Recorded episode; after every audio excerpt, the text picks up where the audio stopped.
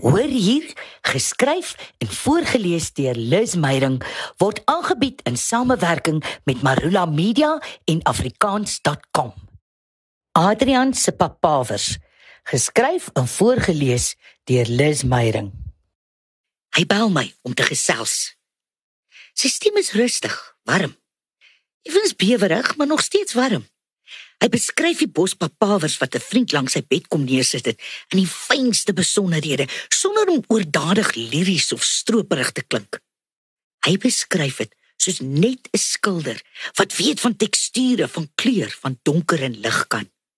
As hy nie toe al so swak was nie, sou hy met sy hande daaroor gestreel het. Hy vertel van hoe die son instroom oor hom, oor die bed in die bospapawers. Selfs hoe die water en die vaas met die sonstrepe saamspeel. Hy praat met my oor die waarde van 'n millisekonde. Die hoop en verwagting wat in 'n enkele oomblik skuil. Hoe ons vergeet om regtig waar te neem. En dat ons waarneming nie op 'n konkrete vlak waar hoef te wees nie.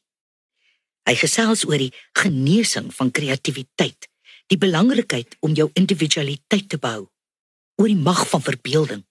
Hy preek nie, hy praat net. Vir een keer in my lewe babbel ek nie saam nie. Ek luister. Ek luister aandagtig. Bydien, wat sê mens vir 'n sterwende? Dis asof hy dit aanvoel. Daarom neem hy die leiding. Hy's so kalm, so positief. Nuuskierig, sê hy oor wat daar aan die ander kant wag. Hy wou selfs in die laaste paar weke daaroor skilder spot hy. Maar hy was te bang om sy verrassing te bederf. Hy wil nie daarin gaan met vooropgestelde idees nie. Want ons het te veel vooropgestelde idees en vrese. En dit verstik ons kreatiwiteit, ons oop denke, ons kanse op geluk, ons deernis met onsself en ander. Hy vra my of ek dit nog reg kry om die magiese in die middelmatige, die alweregse in die alledaagse te kan raak sien. Want dis hoe hy my ken en liefhet. Ek kan nie antwoord nie. My stem wil nie. Daai kwaliteit het ek erns langs die pad verloor. Dit voel hy ook aan. Hy vertel van sy uitstalling waar hy natuurlik nie gaan wees nie. Hy het tot op amper die laaste geskilder sê hy, want hy wou, hy moes. Hy het eenvoudig gedoen wat sy werk op hierdie aarde was, sonder ego, sonder vrees gedoen wat sy hande geweet het hulle moes doen. Hy het nie geskep omdat hy wil hê mense moet hom onthou as 'n grootse kunstenaar nie maar suiwer omdat dit was wat hom sielsgelukkig gemaak het. Die uiteinde, die applous of kritiek, die pryse of resensies het hom nooit aangesteer nie. Hy wou net vir mense wys dat donker en lig mekaar aanvul. As hy iets wou nalat, is dit dat ons mooi prentjies mag maak. Al is dit net ons koppe. Nie dat ons mooi prentjies moet maak. Dat ons hulle moet soek, selfs dis nie rommel van vertwyfeling en angs. Hy vertel hoe opgewonde hy is om met die groot meesters Rembrandt, Da Vinci, Michelangelo, Rubens, Gauguin te gesels. Hy wou nog altyd geweet het of dit wat hy uit hul werke verstaan het, is wat hulle bedoel het. Hy self hou daarvan dat mense sy kuns interpreteer, nes hulle wil. Solank dit net plesiele vlerke gee.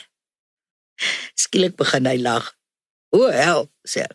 Of miskien moet ek liewer sê o hemel. Daar's 'n trek in die kamer, nogal 'n stewige een. Die papawer se blare val oor my. Ek lyk soos 'n baie bleek bruid. Dis tyd om tot siens te sê. Ek gaan by jou kom spook hoor. Die foon gaan dood in my oor. Jy spook by my Adrian.